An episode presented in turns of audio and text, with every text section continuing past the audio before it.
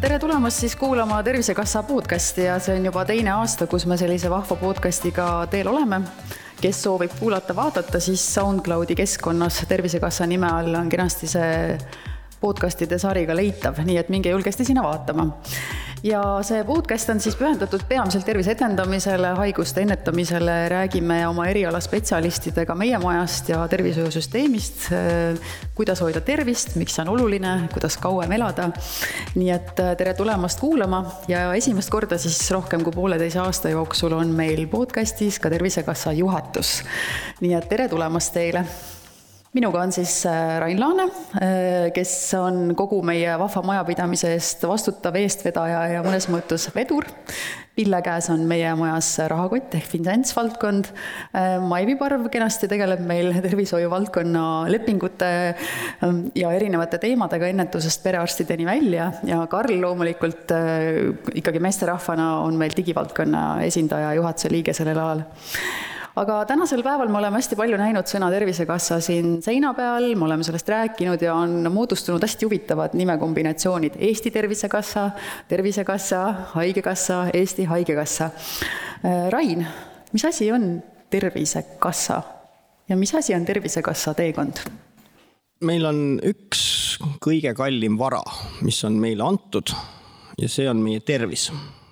ja selle tervise hoidmisel saab äh, iga inimene ise väga-väga palju ära teha.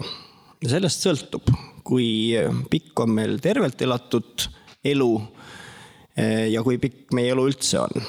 Äh, nüüd meie ühiskonnas täna Eestis on see mure, et õigemini esimene pool on rõõm, et meie mm, eluea pikkus muudkui kasvab ja oleme jõudsalt võtnud äh, järele läänemaailmale ja täna need keskmised numbrid algavad seal kaheksakümmend pluss eluaastaga. ta on kahjuks naistel äh, kõrgem kui meestel, aga see on üle maailma niimoodi.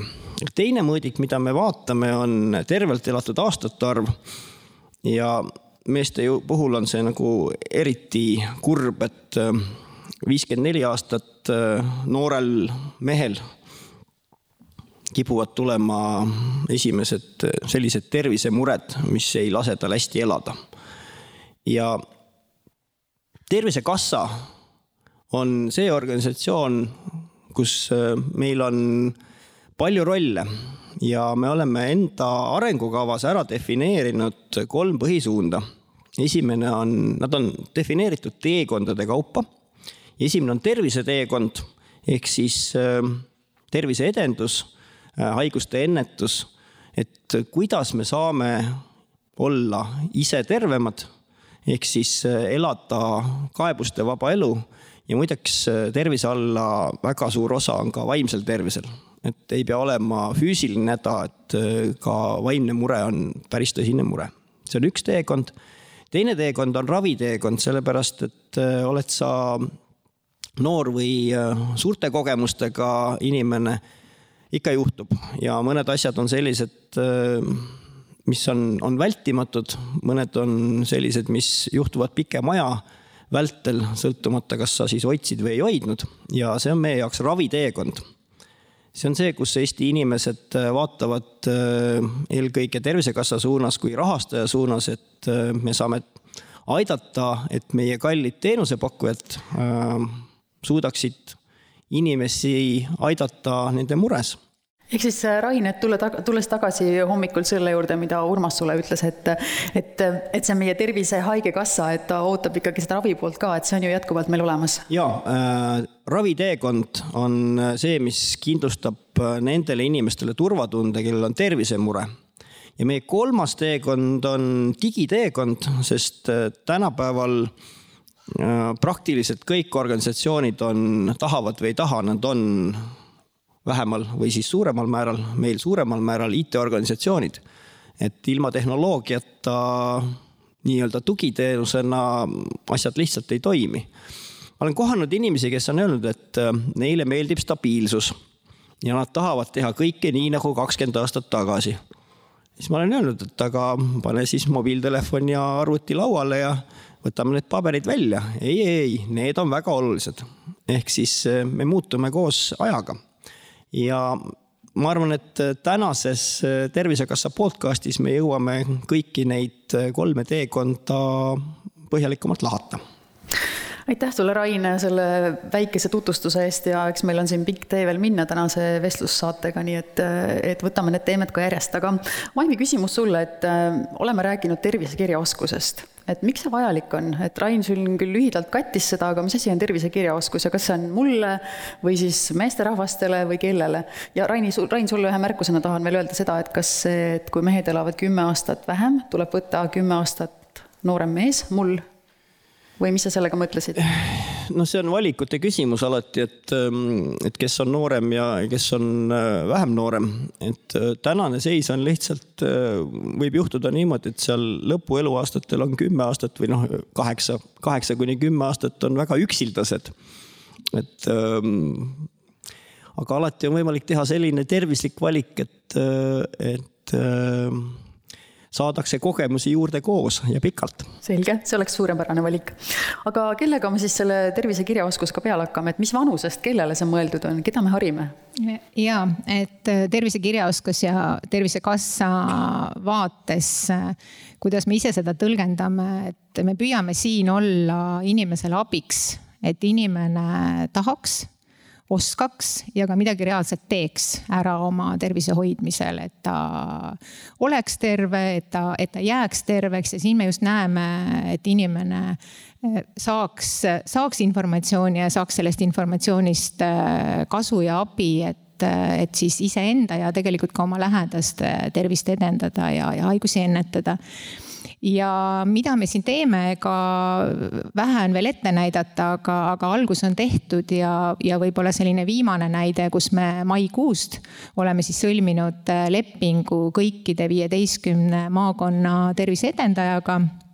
Esialgu küll sellises väikses koormuses, aga kutsusime neid endale appi, et nad läbi oma maakonna aitaksid siis vähisõeluuringute hõlmatust suurendada ja alustasime siis maikuus ja rinnavähi sõeluuringu, äh, sõeluuringu kampaaniaga ja selle tegevuse toetamisega ja tegelikult äh, saab juba täna öelda, et, et sellest koostööst on suur abi.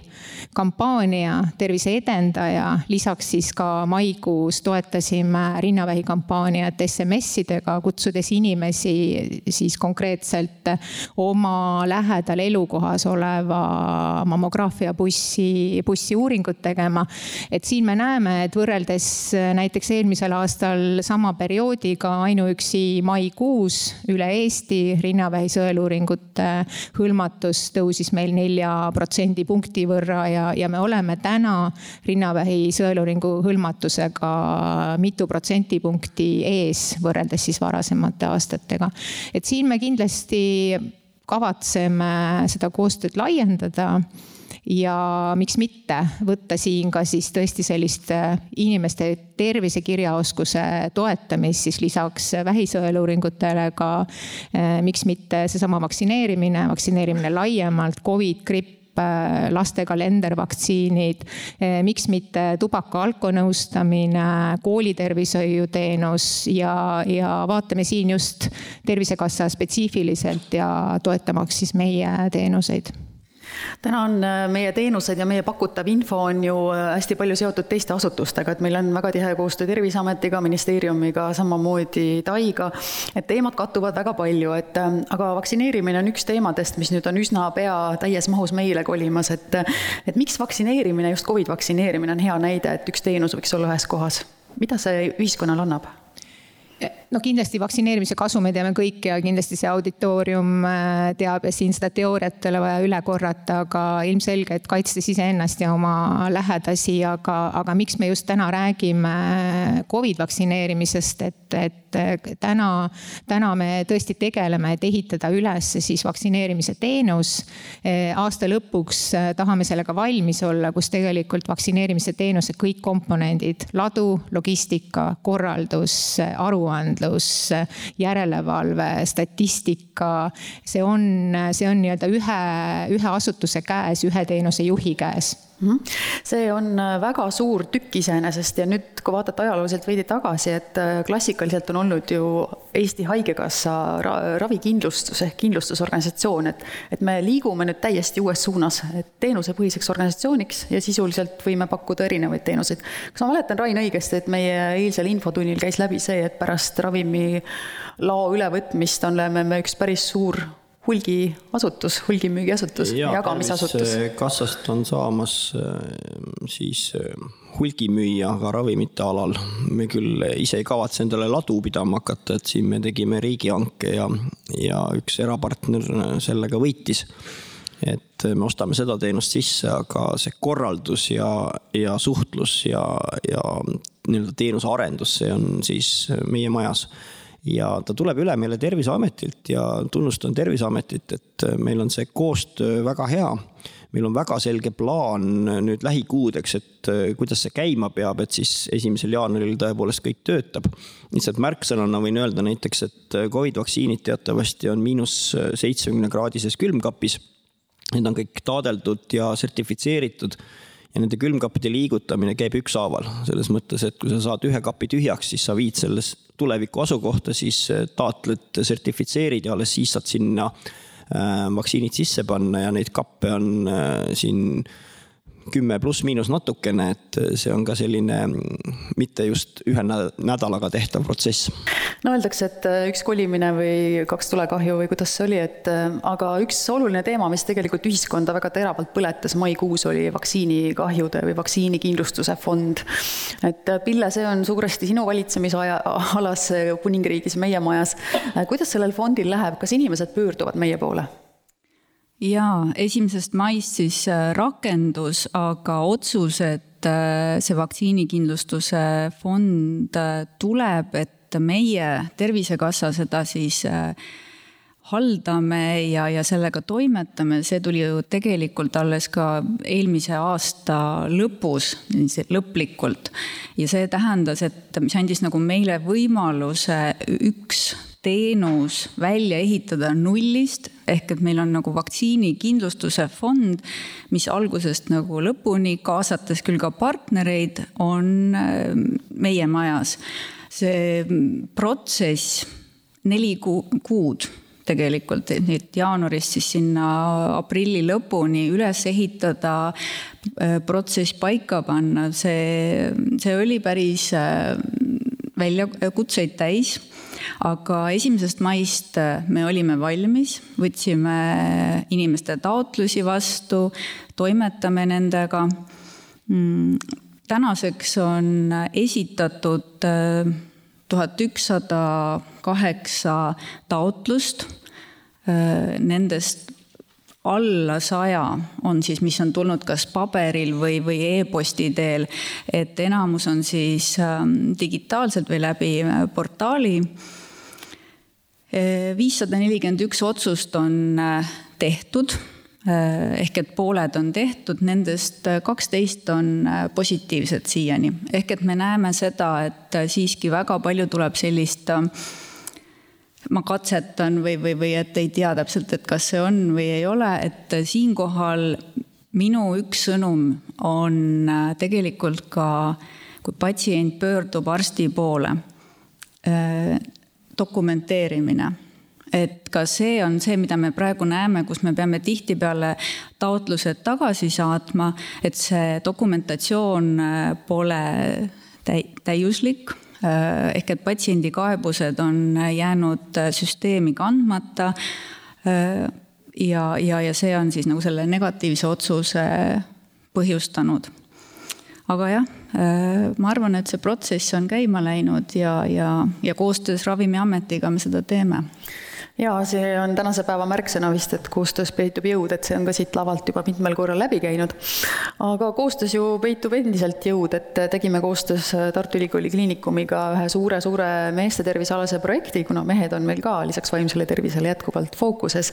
ja need tulemused kahjuks ei olnud väga rõõmustavad, et Rain, mis Eesti mehel viga on? Kõigepealt äh, tänud kõigile, kes äh, seal projektis osalesid, need mehed, kes käisid ja mm, testisid ja kõik, kes aitasid sellele projektile kaasa. aga lühidalt siis neli järeldust. Et iga neljas mees Eestis, täpsemalt isegi natuke rohkem, kakskümmend seitse protsenti, et kehamassiindeksi järgi on nad, kurb öelda, rasvunud, siis kehamassiindeks on üle kolmekümne ja iga kolmas mees oli selline, kelle vöö ümbermõõt äh, on suurem kui sada kaks sentimeetrit, et teatavasti perearstid on väga hästi rääkinud meeste tervisest, seda üks pluss üks reeglit, et üks meeter, üks meeter vöö ümbermõõtu ja siis teine üks meeter on see, mille kohta perearst ütles, et ära Rain seda toas proovi. et see on kaugus üks meeter kehast teine mure, mis äh, sealt meeste tervisest välja tuli, oli, et kõrge vererõhk on äh, enam kui pooltel meestest ja selle häda on selline, et ta on selline vaikne ja hiiliv haigus, ma ütleks. ja noh, me ju teame, et mehed, kui ta nüüd otseselt äh, füüsiliselt ei takista sind, siis, siis tegeleme sellega homme tervise mõttes ja see on nagu väga kurb kolmas asi oli seotud kolesterooliga, et mis on äh, normist kõrgem kolesterooli tase. Ja see oli kolmveerandil meestest äh, paigast ära. ja ütleme, et äh, igal kuuendal mehel olid ka maksanäitajad seal normist kõrvale kalduvad, et noh, see võib viidata mitmetele asjaoludele, aga üks on see, mida siis väga ei taheta tunnistada, et mina ju küll see ei ole, eks ju ja, ja siis viimane asi, mis, mis on ka hästi inimlik, oli, oli valude teema, et tegelikult viimase kuu jooksul on enam kui pooltel meestel midagi valutanud kuskil. ja, ja siis, kui sul on ikkagi kuu aega mingi asi valutanud, siis see on nagu viimane aeg perearsti poole pöörduda, et need olid niisugused neli kiiret järeldust ja, ja see meeste tervis on meile hästi südamelähedane, sellepärast et sellest äh, väga tihti ei räägita ja minu nimekaim on, on era, eraettevõtjana teinud äh, selle nimel ka aastaid tööd, et, et see jõuaks, jõuaks äh, kõigi meie meesteni üks variant oli proovida läbi naiste minna, et siis naine ajab sind arsti juurde, aga mina ise usun, et seda, et äh, kõik täiskasvanud inimesed saavad oma tervise eest ikka ise hoolitseda, et äh, naine võib sulle kerge müksu anda, aga, aga arsti juurde võiks see mees ikkagi ise minna. ma igaks juhuks täpsustan, et see uuring viidi läbi nelikümmend kuni nelikümmend üheksa vanuses meeste seas, et nooremad inimesed saalis võivad natuke kergemalt ennast hetkel veel tunda. aga vanus saab meid kõiki ühel hetkel kätte Karl, sina oled nüüd veidi nendest teemadest kõrvale jäänud, sest digiteema jookseb siit risti-põiki nagunii kogu aeg läbi, aga neli aastat tagasi, kui sa Tervisekassasse tööle tulid, siis sa päris seda suurusnumber pusa ei kandnud. mis, mis sinuga juhtus vahepeal? mis juhtus, jah mis sinuga juhtus? mees kui me selles kenas vanusegrupis, mida ma just nimetasin ja, ja teinud omal nahal nüüd nii mõndagi enda tervise heaks läbi ja ära ega minu jaoks on see väga pikk teekond olnud, et ma arvan, et kõik need äh, enamlevinud soovitused, äh, et tee palju trenni ja kõik nii edasi, et need ma olen läbi teinud. äh, muuhulgas mul on olnud elus selline periood, kus ma teen kolmteist kuni neliteist trenni nädalas. issand jumal, see pole vist tervislik ja, ja kõik toidukorrad olid kaalutud täpselt valgu ja rasva ja süsivesiku tasakaalud paigas ja nii edasi. et sai ka nii teha, aga pehmelt öeldes ei ole see jätkusuutlik, et seda ei jaksa pidada pikalt. aga kui ma Haigekassasse, tollel ajal kindlasti veel Haigekassasse tulin, äh, siis oli selline lugu, et äh, kaalunumber näitas üheksakümmend viis ja kogu aeg oli mingi jama, et kas oli nagu eelmises töökohas, et jube palju tööd ja mingi excuse, et nagu homme või ülehomme. ja, ja tegelikult ühel hetkel saad aru, et äh, peeglisse vaadates, et sa pead täna midagi muutma ja see haigekassasse tollel ajal tööle tulek oli siis nii-öelda see õige punkt, kus tegelikult enda see võib-olla haigusele suunatud teekord pöörata ümber tervisele suunatud teekonnaks pärast võib vaikselt küsima tulla, kui vana Karl on, aga, aga näos seda ikkagi jätkuvalt ei peegeldu, nii et aga mis see põhisaladus siis oli, kuidas sa ennast siia nii-öelda rajale said, sest oled seal hästi pikalt olnud minu jaoks? tegelikult on üks ainuke saladus, on see, et äh, kuna tegemist on üldjoontes elustiili haigusega või nagu murega, et sa pead lihtsalt äh, iseenda jaoks seda prioritiseerima, et see on tähtis. Ja ma tegelen sellega iga päev ja ei anna alla, enne kui see valmis on, sest äh, noh, minu praktika näitab, et olles nüüd erinevaid variante proovinud, siis äh, tegelikult toimisid lõpuks need asjad, mida vanaema on alati rääkinud, et ära söö hilja õhtul, rääkimata sellest, et mingisugust kommi või magusat kuskile toidukordade vahele ja, ja ma ütleks, et äh, tegelikult see tervis äh, algab sellest, mida sa köögis äh, endale toiduks valmistad, millal ja kuidas sa sööd. Ja see, et trenn teeb lihtsalt hea tunde, see tuleb lisaks nagu boonusena.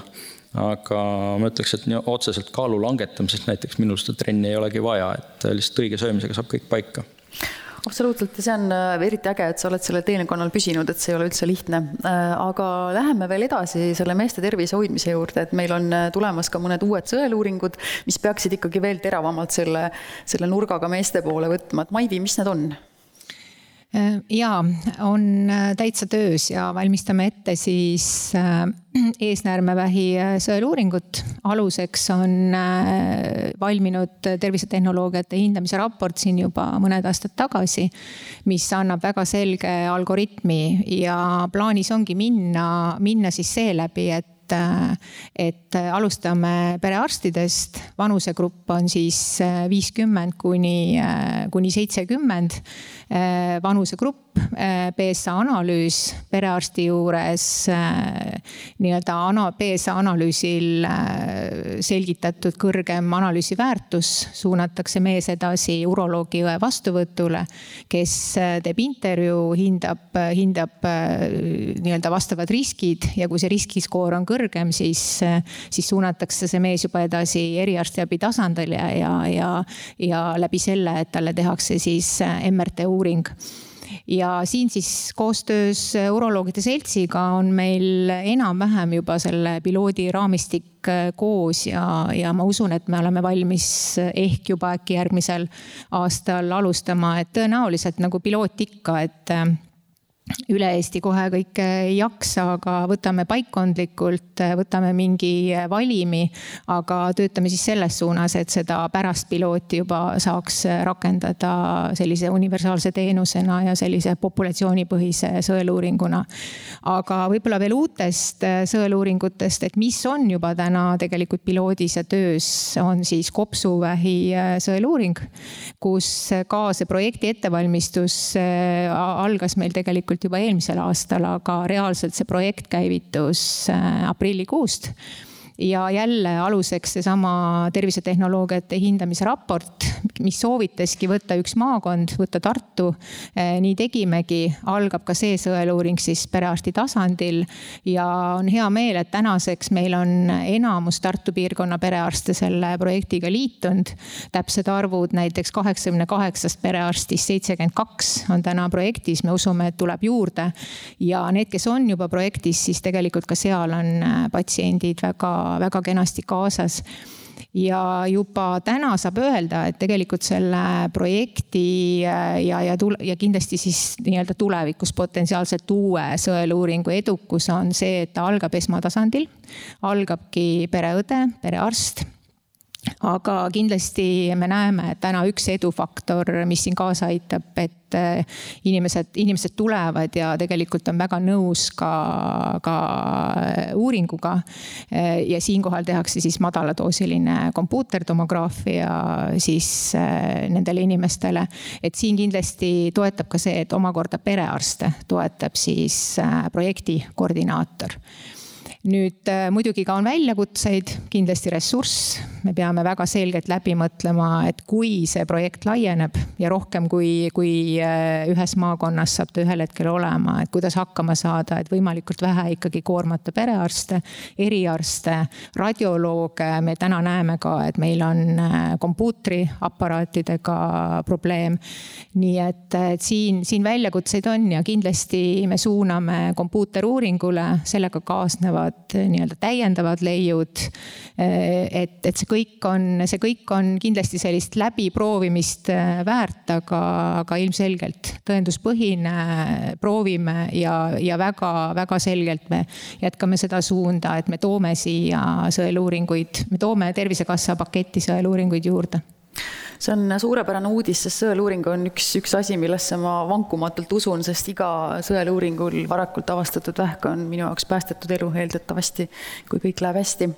aga Rain, tulles tagasi sinu juurde korra, sa siin mainisid ka, et kui meestel on maksanäitajad kehvad, siis võib see viidata ühele olulisele eluviisi võib-olla eluviisi käitumisele või eluviisile siis, et millele sa vihjasid küll? jaa äh meil on siin äh, räägitud riigireformist tervishoius ja, ja siis äh, seda on nüüd pikalt arutatud. seal on äh, positiivseid asju, mis, mis on selle arutelu käigus tulnud välja. üks meie jaoks oluline asi on, et me oleme Tervise Arengu Instituudi ehk TAI-ga leppinud kokku kümme siis ennetuse ja edenduse teenust mis järk-järgult Tervisekassasse üle tulevad. Ja esimene äh, siis Tai poolt arendatud äh, teenuseks äh, asi on, on siis alkonõustamine ja ravi ja siis see tuleb täies mahus meile üle esimesel jaanuaril kaks tuhat kakskümmend kolm.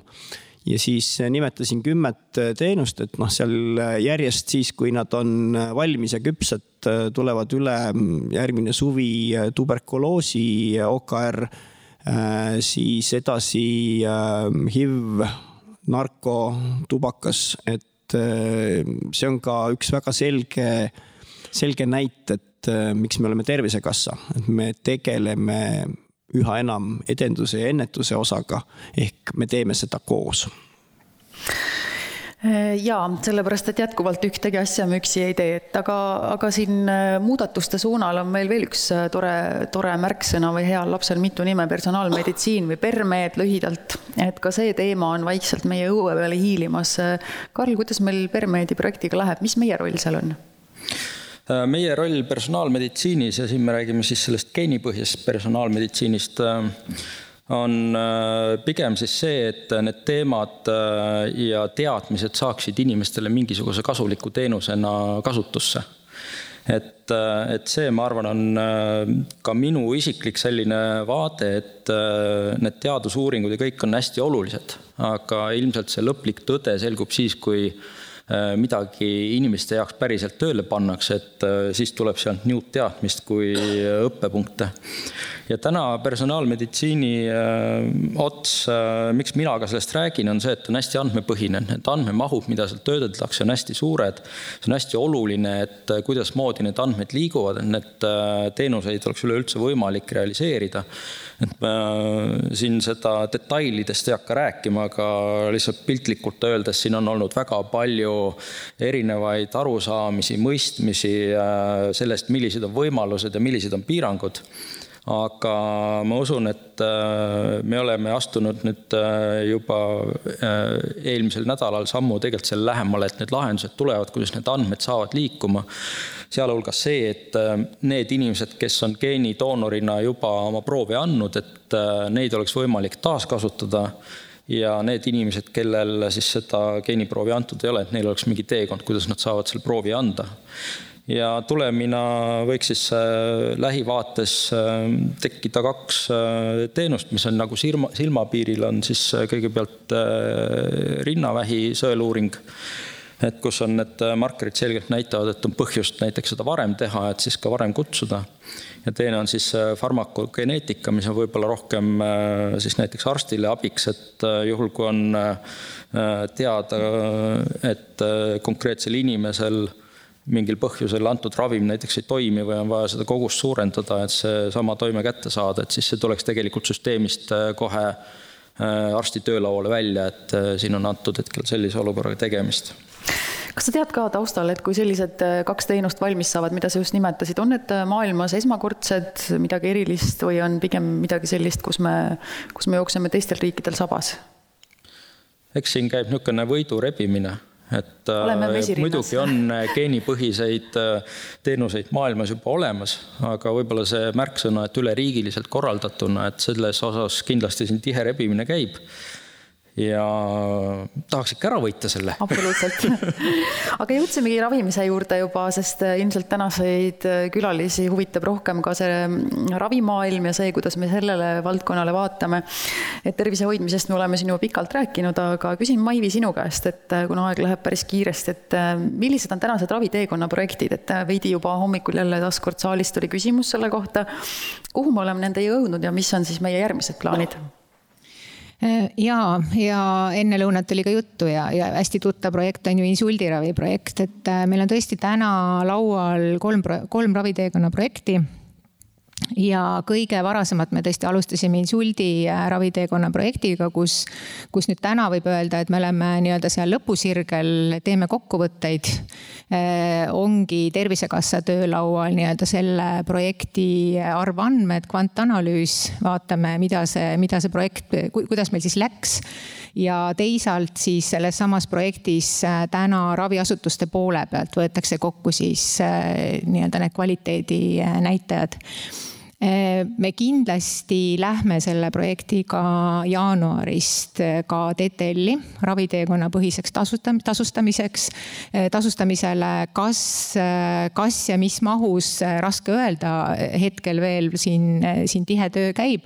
aga kindlasti mingite komponentidega küll, et seda saab täna lubada ja, ja noh, kasvõi näiteks seesama insuldiõe vastuvõtt TTL-i, et selleks me oleme valmis aga mis on siin veel väljakutsed ja tegeleme sellega täna ning kindlasti ka järgmisel aastal jääb veel töösse, on ikkagi ka insuldi projektis siis standardi juurutamine. ka seal on vaja veel viimaseid kokkuleppeid ja kindlasti ka erinevate tasandite vahel nii-öelda seda rollide, rollide jaotust ja, ja, ja, ja läbirääkimist ja lõppotsust nüüd teine projekt, endoproteesi projekt on ka ütleme siis sellises heas tööhoos selle projekti eh, puhul on hea meel, et siin on eh, raviteekonna standard kokku lepitud ja siin ongi plaan juba uued endoproteesile suunatavad haiged, siis arvame, et ehk novembrist juba uue standardi kohaselt käsitlusele võtta. Eh, ka siin eh, jaanuarist mingite komponentidega on plaan minna ka läbi TTL-i siis raviteekonna põhisele rahastamisele. ja mis siin nagu taustal käib ja on hästi suur töölõik, on tegelikult siis tänase endoproteesi tsentraalse järjekorra andmete puhastamine.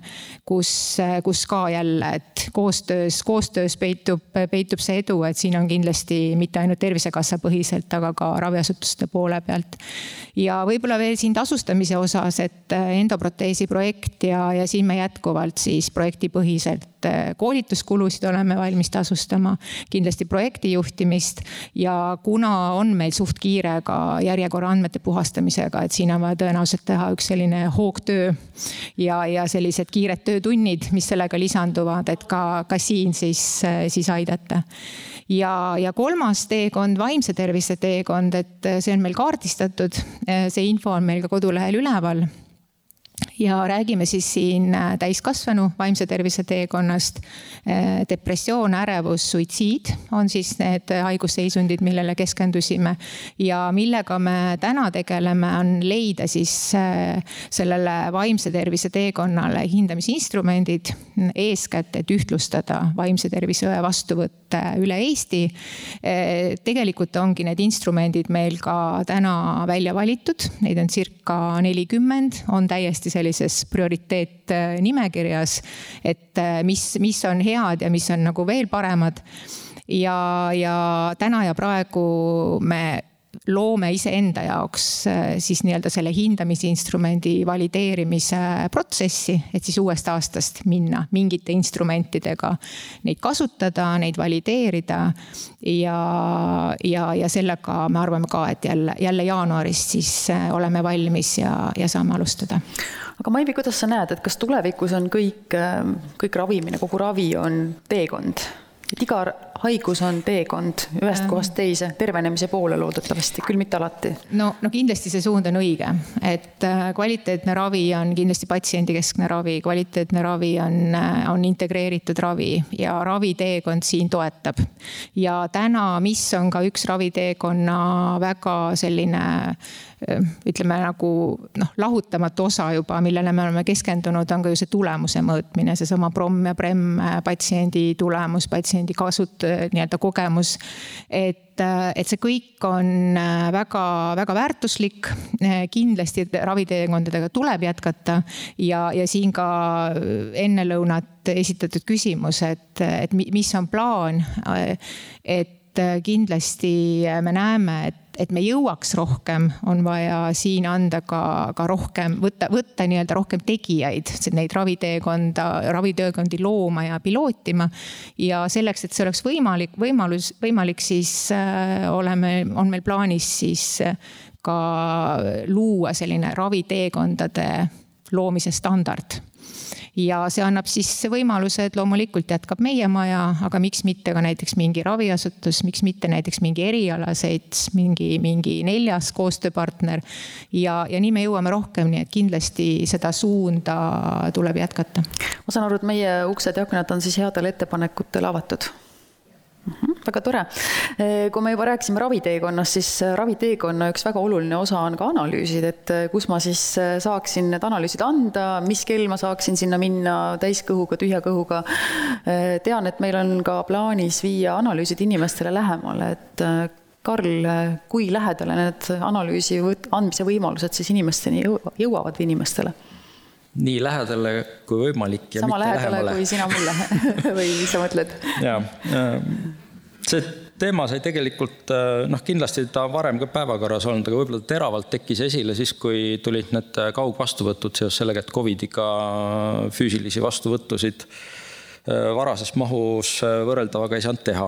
ja siis, äh, kui me tegime küsitlust, tuli välja see, et sa võid küll arstiga rääkida, eks ole, üle telefoni või video, aga kokkuvõttes analüüsi andma sa pead ikka kuskile kaugele ja meil on siis käivitatud projekt, millest me oleme ka mitu korda rääkinud, et saaks inimesele tekitada sellise teekonna, Äh, raviteekonnana, et ta saaks ka selle analüüsi, mis selle raviteekonna raames on vajalik anda, võimalikult kodule lähedale ära anda, et ei pea ilmtingimata Tallinnasse sõitma näiteks, kui selleks pole vajadust, vaid saab kuskil lähemal. Ähm, täna me oleme sellega jõudnud sinnamaani, et äh, meil on äh, lõpetamisel sisuliselt analüüs, selle analüüsi tulemit me saame oktoobri keskpaigaks kätte. Äh, tegelikult selle analüüsil on äh, hästi palju erinevaid osasid, et äh, et näiteks toon jällegi andmete küsimuse, et me peame ära standardiseerima selle näiteks, mismoodi doose kirjeldatakse ja nii, nii edasi. et või tähendab, mitte doose, aga et mis on selle analüüsi konkreetselt siis nii-öelda säilitamise, transportimise tingimused, mis analüüs mille jaoks vajalik on. et selle tulemina tegelikult saab siis sellise Äh, vaadata, et äh, milliseid analüüse konkreetsel arstil äh, näiteks selle raviteekonna käigus on vaja siis määrata ja kuskohast tegelikult see inimene siis ise saab endale selle valida. ja kokkuvõttes ta peaks olema jällegi niimoodi, et realiseeritud pigem tsentraalselt et äh, tegelikult see kasutajakogemus sellest oleks nagu võimalikult lihtne, nii nagu meil täna on noh, võib-olla näiteks see digiregistratuuri näide, et sa ei pea käima erinevates digiregistratuuri aukudes, vaid tegelikult sa saad ühest kohast. Ähm, seal on ka tehniline põhjus sel tsentraalsel tegemisel, et äh, need integratsioonid erinevate süsteemide vahel on tegelikult tunduvalt lihtsamad ja teostatavamad, kui nad on ühe keskse punkti pihta, mitte nii, et iga punkt peab ise nagu omavahel kokku leppima, et kuidas nad räägivad et äh, see on, ähm, see on siis see, kuhu me oleme enam-vähem sellega jõudnud. Ja ähm, ega siin tegelikult neid analüüsi ja projektitöid ja muid asju on päris palju, et võib-olla üks niisugune oluline punkt, kuhu me tahame välja jõuda, on see, et järgmise aasta lõpupoole jõuda testima esimesi äh, neid äh, teekondi mm. -hmm. et kuidas see asi äh, siis nii-öelda inimese ja arsti jaoks võiks välja näha. kui mina elan siis kuskil pisikeses külas, kus siis minu esimene proovi andmispunkt võiks olla, näiteks saja inimesega külas? no võib-olla see on sul perearst mm. -hmm. kuigi ma lähen eriarsti juurde? selge et äh, see sõltubki sellest, et millist konkreetset analüüsi vaja on ja see tegelikult analüüside raamistik on vaja ära standardiseerida, et on kindlasti mingi hulk äh, keerulisi neid proovivõtte just mm, -hmm. et äh, mida ei ole võimalik seal perearsti juures teha, et selleks peab haiglasse tulema, et ja nüüd ma küsin ühe kommunikatsioonijuhi küsimuse, et kui see, et kus ma saan vereanalüüsi anda, on inimese jaoks arusaadav teenus, mis asi on Aptis? Aptis see on iseenesest huvitav küsimus, et äh, ma olen nagu pannud ennast alati sellesse vaatesse, et äh, nagu kus ma tahan, et see asi oleks kümne või viie, viieteist aasta pärast, et milline see asi välja näeb. nagu lastega. viieteist aasta pärast rääkida tolleks hetkeks vananenud tehnoloogial põhineval uue põlvkonna tervise infosüsteemist on iseenesest huvitav. aga võtame seda teistpidi challenge'ina, et äh, selle uue põlvkonna tervise infosüsteemi, mis on siis see Aptisi lühendi tähendus et selle, sellega koos tegelikult me ei, mitte tee ainult tehnilist uuendust, vaid me muudame ka seda meetodit, kuidas me tegelikult oma süsteeme üleval hoiame. et seda vana koolisüsteeme tegelikult ei tekiks nagu massiivselt ühe korraga hästi palju, mis kokkuvõttes hakkab siis takistama seda nii-öelda süsteemide ülalhoidmist ja muudab selle väga kalliks.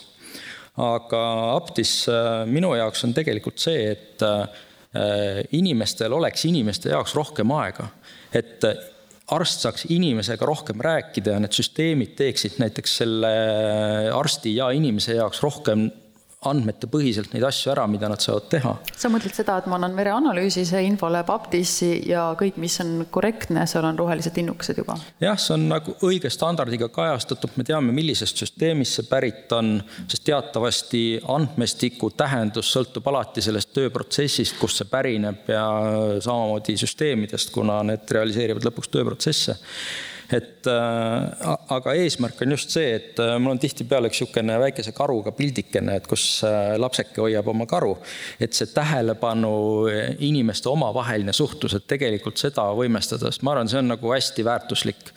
ja ega see ei ole ka saladus, et võib-olla selle suure esimese laine digitaliseerimise häda oli tegelikult see, et tuli hästi palju arvutisse kirjutada ja see tegelikult viib seal tähelepanu inimeselt arvutile. ma tahaks selle teistpidi keerata, et need andmed tegelikult aitaks pigem seda inimestevahelist äh, suhtlust parandada. et see võiks olla niisugune tore visioon Aptisest, aga loomulikult on seal palju erinevaid äh, samme et me räägime siin tegelikult täiesti uuest andme, sellest standardist kuidas andmeid kajastada, infomudelitest, kuidas neid kajastada, kuhu kohta neid teenuseid tehakse. et kas me teeme piltlikult öeldes äh, noh, oletame viis haiglasüsteemi, et igasse haiglasüsteemi eraldi või kuna võib-olla tööprotsessid ei ole igal pool ühtsed, äkki on hoopis kakskümmend tükki või sada tükki eraldi et pigem tegelikult teeme koos, teeme keskele kokku, äh, lepime kokku, mis on need mõistlikud äh, tööprotsessid ja teeme ühe korra, kasutame mitu korda. ja huvitav on seejuures, et äh, minul on üks hobi tegelikult uurida ka seda, et mis ärimaailmas toimub tänu sellele taustale. ma olen pangandusest nii-öelda oma koolituse saanud, on ju ja, ja siis äh, miks ettevõtted surevad, ei ole mitte selle tõttu, et äh, nad ei tegeleks selle uuendamisega, vaid see mindset on tegelikult selles mõttes äh, lihtsalt natukene kiivas. mõeldakse, et täna me oleme nagu selles positsioonis, kus me oleme ja kuidas me saaks võimalikult väikse kuluga mingi järgmise pisikese sammu teha aga suured katastroofid tekivad pigem selle tõttu, et ei mõelda, et kui sa täna alustaks nullist, kuidas sa selle üles ehitaks ja ma arvan, et selle Covidi puhul oli see tegelikult väga hea näide, et me lihvime nii-öelda oma selle süsteemi hästi eh, selliseks ähm, parajaks. Ja siis, kui tegelikult tekib see olukord, kus on vaja täiendavat äh, ressurssi, täiendavaid muudatusi teha, siis tegelikult äh, see maksab kätte Karl, sa oled praegu poliitiliselt väga korrektne, et lihvime parajaks et kasutaksin ja. sõna õhukeseks.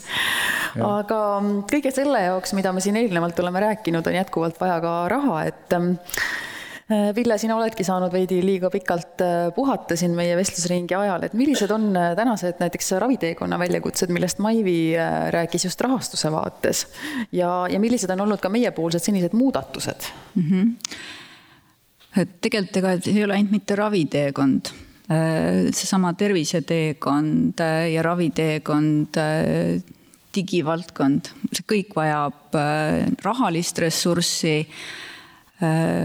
raviteekond, terviseteekond tegelikult on inimressurss, see seal, mis on, nii et me isegi ei julge täna öelda, et kumb meil on äh, kriitilisem äh, ehk et siis just tervishoiuteenuse osutajate poolt vaadatuna, et kust me leiame tööjõudu, aga, aga raha vaatest jah, äh, ma tavaliselt näitan küll igasuguseid graafikuid ja, ja tabeleid. proovin nüüd ilma nendeta hakkama saada, et äh, kui me võtame seda, et äh, meie eelarve on siin viimase kahekümne aastaga tegelikult kasvanud ligi kahele miljardile. Äh, meie tervishoiuteenused, kus all siis ka need terviseteekond, raviteekond, kõik, kõik need teenused hetkel asuvad see, selle maht on üks koma neli miljardit täna ja, ja samas me räägime, et noh, et, et kus, kuhu veel siis neid vahendeid vaja on. mis on see õige kasutus? jah, neid väljakutseid on, et raha on jätkuvalt vähe, et viimased võib-olla need kaks Covidi aastat, noh nüüd juba kaks pool, on näidanud, et kui kiiresti on vaja teha uusi otsuseid äh, rahastamises, et tulevad äh, uued väljakutsed, võib-olla väga palju ka meie nendest äh, raviteekondadest, millest ka Maivi rääkis, on saanud just hoo tänu sellele, et noh, et natukene see Covid aitas, et tulid siin e-teenused kiiremini. aga jah, meie me oleme jõudnud sinna, et meie see tänane äh, rahastusmudel ei saa jääda selliseks, nagu ta on. me peame tegema erinevaid lahendusi. Äh, meil on praegu peamiselt see jah, et, et kui me räägime siin äh, eriarstiabist, et kus on siis fee for service põhimõttel perearstidel pearahapõhine, me tegelikult oleme ka nendes liikunud selliste erinevate kombinatsioonide poole mis on meie väljakutse täna, on ka see, et kui meie rahastajana, eh, hinna loojana eh, meie enda võib-olla niisugused äh, kulumudelid ei ole võimaldanud äh, kõike arvesse võtta. siin on mul võib-olla hea võimalus öelda, et meil täna on äh, käimas hange uuele kulumudelile, mida me tahame hakata järgmisest aastast rakendama, mis võimaldaks ka kõik selline jätkuvalt olles, võttes arvesse kõiki sisendkomponente ja, ja kulusid, leida nendele teenustele õiged hinnad ja võib-olla ikkagi äh, jätkuvalt on see, et äh, mida siin ka varem öeldi, et me tegelikult peame ka leidma selle, et mida, mida me süsteemilt ootame tegelikult, mida me tahame rahastada. nii et äh, aga väljakutseid on, et võib-olla ka lihtsalt näidetena, et mis on olnud kaks tuhat kakskümmend, kaks tuhat kakskümmend üks Covid kulud täiendavad Äh, olid meile saja, saja viiekümne miljoni euro juures mõlemal aastal, need olid nagu puhtalt, äh, aga mis on ka jätkuvad kulud nendega seoses, ehk et äh, seesama, mis on tehtud palju analüüse, pikk Covid, me tegime ise analüüsi kuue kuu peale kaasates või võttes valimisse seal kaks tuhat kuussada inimest umbes, me nägime, et kuue kuu kulu nendel Äh, pika Covidi siis äh, valimisse sattunud inimestel äh, oli üle ühe koma viie miljoni. aga see oli tehtud veel ka sellele ajale, mis oli siis see september kaks tuhat kakskümmend üks kuni veebruar kaks tuhat kakskümmend kaks ja tegelikult peale seda veel oli noh, ütleme see kasv ja, ja, ja, ja need inimeste kulud, ütleme nii, et see, see inimesed, kellel oli Covid ja kes sattusid teenuseosutaja juurde ja nende kulude kasv, et, et see oli nagu ikkagi märkimisväärne. täna on meil äh, sõjaolukord, meil on äh, Ukraina sõjapõgenikud. kui alguses neid prognoose tehti, et viiskümmend tuhat sõjapõgenikku, et mis on see, see tundus nagu utoopiline. jah, me tegime prognoosid me hindasime, et noh, kui nad kasutavad teenuseid nii nagu meie enda kindlustatu, lisaks ka vältimatu abi, et see kulu võib osutuda seal üle viiekümne miljoni aastas. täna me teame, et meil on viiskümmend viis tuhat sõjapõgenikku juba Eestis ja prognoosid on, et tegelikult see arv kasvab, kes tahavad veel ka siia jääda, ehk et ka kõik need, mis me oleme mõelnud järgnevateks aastateks, kus me arvasime, et see põgenike arv ka kahaneb, ka need enam ei pea, ehk et me oleme kogu aeg muutuvas olukorras ja seda viimase aja mitut kriisiaastat olen isegi kõrvalt näinud ja neid otsuseid, kui kiiresti neid tehakse, nende juures olnud, et äh, saan aru, Maidi, sa tahad täiendada siin? Äh, ja ma lihtsalt tahan võib-olla nii palju lisada, et, et samas äh, me, me ei ole, me oleme suht keerulises olukorras, et ka analüüsida ikkagi, et mis, mis see Covid on meile kaasa toonud ja, ja just seesama long Covidi osa. kuna Pille poolt viidatud analüüs oli tõesti aasta tagasi, ka tänaseks on seesama long Covid, post Covid, see definitsioon on muutunud. Me teame, et see, mis see nii-öelda nii rahalist kulu edasisi prognoose, me täna kasutame raviarvete andmeid. samas me teame, et pigem on ka see long Covid aladiagnoositud. nii et siin on kindlasti väljakutsed, et saada, saada need kasutusandmed tõeseks ja siis me oleme valmis tegema ka edasisi prognoose, nii et me kindlasti seda ei saa ära unustada. ja seesama üks koma viis miljonit on, on puhtalt eriarstiabi abikulu, samas me teame, et, et eh, vähemalt see esimene kuus kuud, kui me post-Covidit analüüsisime, siis seal kaks kolmandikku haigetega tegelust jäi esmatasandile. täna me esmatasandit rahastame pearahapõhiselt, et ka see tuleb siis teisendada uuesti selliseks absoluutnumbriks. nii et eh, väljakutseid siin on ma usun, et Pille on kindlasti üks nendest inimestest, kes päris palju küsimusi järgmises pooltunnis saab. aga digiteekond ja innovatsioon on meil ka veel sellised äh, toredad väljakutsed majas, et äh, Karl on ju ka meil kõige hilisemalt liitunud juhatuse liige ja, ja seda valdkonda alustas äh, neli aastat tagasi meie majas. miks seda digisüsteemi, mis meie teenustega te tegeleb ja miks seda, miks seda üldse vaja on, et kas võiks olla niimoodi, et ikkagi teeme asju paberi peal jätkuvalt ja ja palkame hästi palju inimesi madala palgaga, sest digitaalne maailm on teatavasti ka kallis, eks ju. nojah, et ega kokkuvõttes ju teoorias on see võimalik uuesti paberi peale minna, aga siis tekib seesama küsimus, et kust need inimesed kõik leiduvad, kes seda süsteemi ringi ajavad. aga so Soomest tulevad meile vist raviarved paberi peal veel, tulevad Saksamaalt, välisraviarved ja, ja. ah, selge. tahtsin lihtsalt täpsustada. just, just, aga noh, kokkuvõttes on see, et ega kui meil on olemas mingisugused võimalused asju paremini teha, siis kasutame need võimalused ära. ja selge on ka see, et äh, see aeg, mis meil nüüd digitehnoloogiates Eesti Vabariigi silti all olnud on, et see on piisavalt pikk aeg olnud, et me tegelikult täna juba näeme esimesi niisuguseid legacy tooteid ehk siis need on need äh, pärandvarad, äh, mille ülalhoid on järjest raskem, keerulisem. ja, ja võib-olla see on ka niisugune õppetund, et äh, pannes suurepärast Euroopast saadud või mujalt saadud raha tegelikult nendesse arendustesse ja investeeringutesse, et tegelikult see ülalhoiu osa tuleb meil endal kinni maksta. et seal on väga selge seos ja seepärast ma räägin kogu aeg seda, et me oleme nii väike riik, et isegi kui kui meil oleks raha äh, nagu iga asja ise arendada ja teha, et siis tegelikult meil ei ole lihtsalt inimesi selle jaoks ja kasutame võimalikult hästi ära seda, mida me oleme ühe korra loonud, loome ühe korra, kasutame, ma ei tea, kümme või sada korda palju vaja on. et digitehnoloogiatega on see väga odav. Äh, see, mis mujal maailmas mingi hea teenus tehtud on, leiame selle üles, toome selle Eestisse, paneme ta siin tööle meie inimeste heaks ja siis meil jääb aega valida mingisugused sellised äh, äh, tõsised, head, põnevad valikud, kus me saame ise maailmataseme innovatsiooni teha. et ega see on see teekond. kas mõni nendest legacy või ütleme siis vanadest süsteemidest on lähiajal ka õhku lendamas? no ma arvan, ma loodan tõsiselt, et, et ükski süsteem nagu päris õhku ei lenda Äh, siin ei saa kunagi selles mõttes nagu pead lõpuni panti anda, sellepärast et, äh, et maailm on kirju ja juhtub igasuguseid asju. aga me oleme päris palju teinud selleks, et, et need süsteemid püsiks ja toimiks.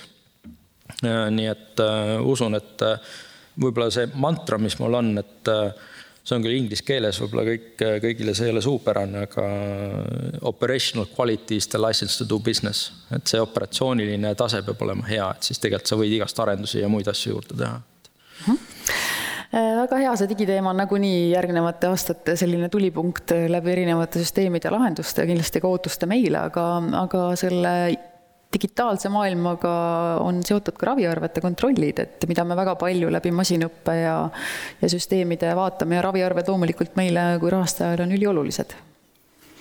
ma väga ja tahaksin siin rõhutada seda, et äh, selle järelevalve tähtsust, aga järelevalve kui partner ehk et me ei ole enam selline järelevalveasutus me oleme oma süsteemid nii palju digitaliseerinud, ehk et me tahaksime seda, seda järelevalvet aina ja aina automatiseerida ja veel rohkem.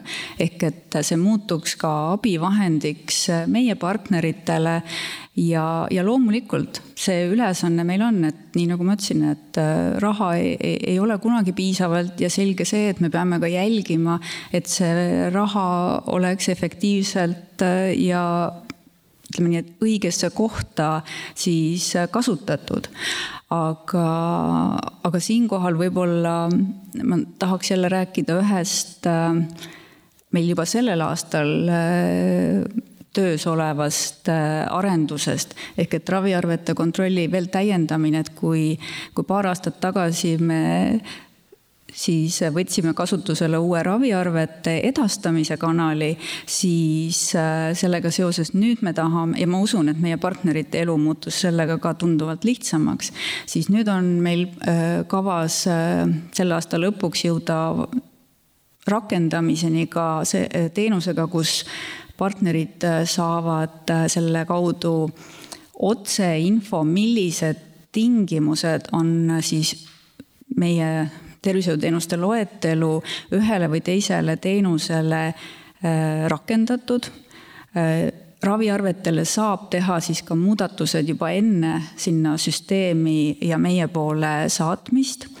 Äh, selle teenusega saab kättesaadavaks ka kogu hinnamuudatuste info, mis praegu on olemas Exceli kujul meie kodulehel, aga seda ei pea siis enam ei endale alla laadima ega midagi, vaid see on online kättesaadav, nii et ma usun, et ka see on see, et et mis, mis muudab meie partnerite elu kergemaks ja samal ajal vähendab ka selliseid vigu ja mida meie siis nagu me järelevalveosakond äh, püüab, aga, aga veel kord, et me tahame olla see partner ja seda äh, dokumenteerimise kvaliteeti siis pidevalt parandada, et see on võib-olla see sõnum kõigile. jaa, sest et äh, saan aru, et ETL ja sealt äh, koodide kirjutamine raviasutusele on väga suur ja keerukas töö, et eesmärk on siis ikkagi seda lihtsamaks teha -hmm, väga kena. see on ainult äh, suur rõõm, sellepärast et mõned ajakirjanikud on aeg-ajalt ETL-i lapanud ja siis kukkunud ka sinna kõrvale pikali, et kas tõesti selline hinnakiri, et restoranis on ju märksa lühem. aga milline on äh, rahastamise pikem vaade järgnevateks aastateks? et kõikideks tegevusteks on ju alati raha vaja, mis see suur pilt on, et natuke siin Heidi Alasepp kattis ka, aga aga kas raha saab lõpuks tõesti otsa, nii nagu arengu, Arenguseire Keskus meile ennustaks kahe, kaheksa aasta pärast juba? Kui me mitte midagi ei tee, siis need pildid on jah, sellised, et äh, kus me näit-, kus ma olen harjunud näitama seda graafikut, kus need äh, viimaste aastate jooned kukuvad.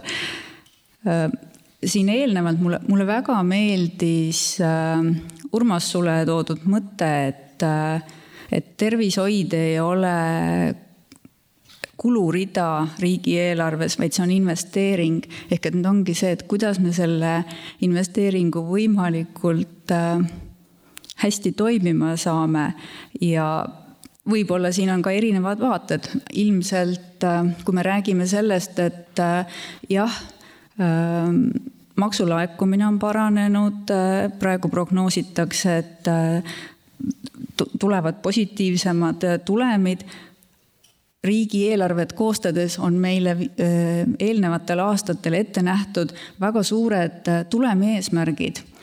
ja nüüd on see koht, et kus riik näeb meid oma investeeringuna, ehk et meie reservid, mis kasvavad, täidavad ka riigieelarvet. et tuleb leida see optimaalne koht, aga hetkel jah, me koostasime oma nelja aasta äh, finantsprognoosi, mis küll järgmine aasta on veel positiivne äh, aga jär-, ülejärgmine ja siis edasi on äh, suures languses. et äh, me seekord saatsime tegelikult riigieelarve ettevalmistamisele äh, finantstulemi, mis tegelikult ei vasta eelarvereeglitele tegelikult sest äh, seal oli see, et me, kuidas me võime oma jaotamata tulemit kasutusele võtta. me aastatel kaks tuhat kakskümmend viis, kaks tuhat kakskümmend kuus oleme oma reservid viinud praktiliselt nulli ja see on nagu esimene kord, kust see ka läbi ministeeriumi on läinud äh, riigieelarvesse. Riigieelarvet küll koostatakse, eks me näe, mis sinna lõpuks kirjutatakse, aga me peame tõsiselt need teemad lauale võtma. siiani on aidanud väga palju need äh, äh, Covidi aastatel tehtud otsused meile lisaraha andmisega. kaks tuhat kakskümmend viis, kakskümmend kuus seda enam ette nähtud ei ole vaatame, et äh, see on see sõnum praegu. ehk siis äh, Postimehe ajakirjaniku küsimus, et miks te seda saja miljonilist tulemit oma kõhu all hoiate, on see, et tegelikult on meil kohustus see tulem saavutada, teiseks on kohustus sealt reservi panna ja, ja kolmandaks ka... saab järgnevaid aastaid selle arvest rahastada. et see pole Pille isiklik raha, mida ta oma hea, heaks arvamise järgi siis lahkelt jagab, on ju, et ja. Äh, see on väga kahju muidugi. heal meelel oleks endalegi küsinud. aga oleme siin juba mõnusalt tund aega järjest vestelnud, et ähm, milline see suur tulevikupilt meil, äh, Rain, sinu ja Tervisekassa vaates on? ja see on asi, mida me saame teha üheskoos, et äh, edendus ja ennetus on vaieldamatult kõige odavam viis, kui me vaatame seda terviseraha investeeringut, siis kinnitame seda, et me ei jäta Eesti inimesi hätta Äh, üheskoos meie kallite tervishoiuteenuste osutajatega, et, äh, et abi, abi saab, nii vältimatut abi kui ka perearstiabi ja, ja eriarstiabi. lootused on äh, või lootusrikkalt vaatame lähenevaid valimisi, sellepärast et tervishoiu teema kindlasti saab seal üheks oluliseks punktiks Äh, eraldi äh, küsimus on, et mis siis pärast valimisi saab ja, ja kui on enne seda olemas platvorm, mille üle diskuteerida, siis on ka lootust, et äh, sealt need lahendused tulevad. ja meie organisatsioonina kindlasti jätkame seda koostööd, mis meil täna on oma partneritega, sest ainult niimoodi me saame paremat teenust Eesti inimestele osutada Maivi, millised äh, mõtted sul tänase tunnikese lõpuks tekkisid?